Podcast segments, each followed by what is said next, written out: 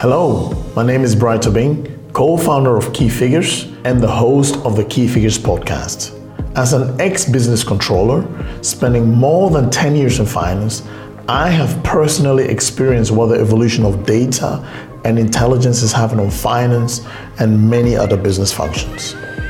The world of finance, business intelligence, and data are moving towards each other. This has massive opportunities within accounting, corporate finance, and banking, but also within marketing, supply chain, production, and many other functions within businesses.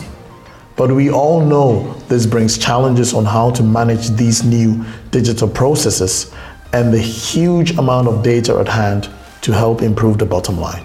The Key Figures podcast aims at bringing top notch professionals within finance, business intelligence, and data to the table to voice their opinions on what is happening within their industry and the trends they see.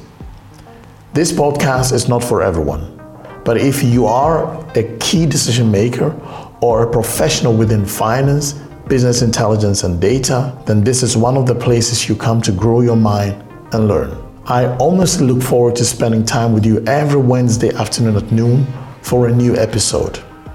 Your time is precious, so I am so grateful you are investing your time in this podcast. We will work so hard to make it worth your time.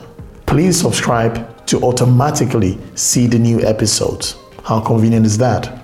Thank you for your time and your trust.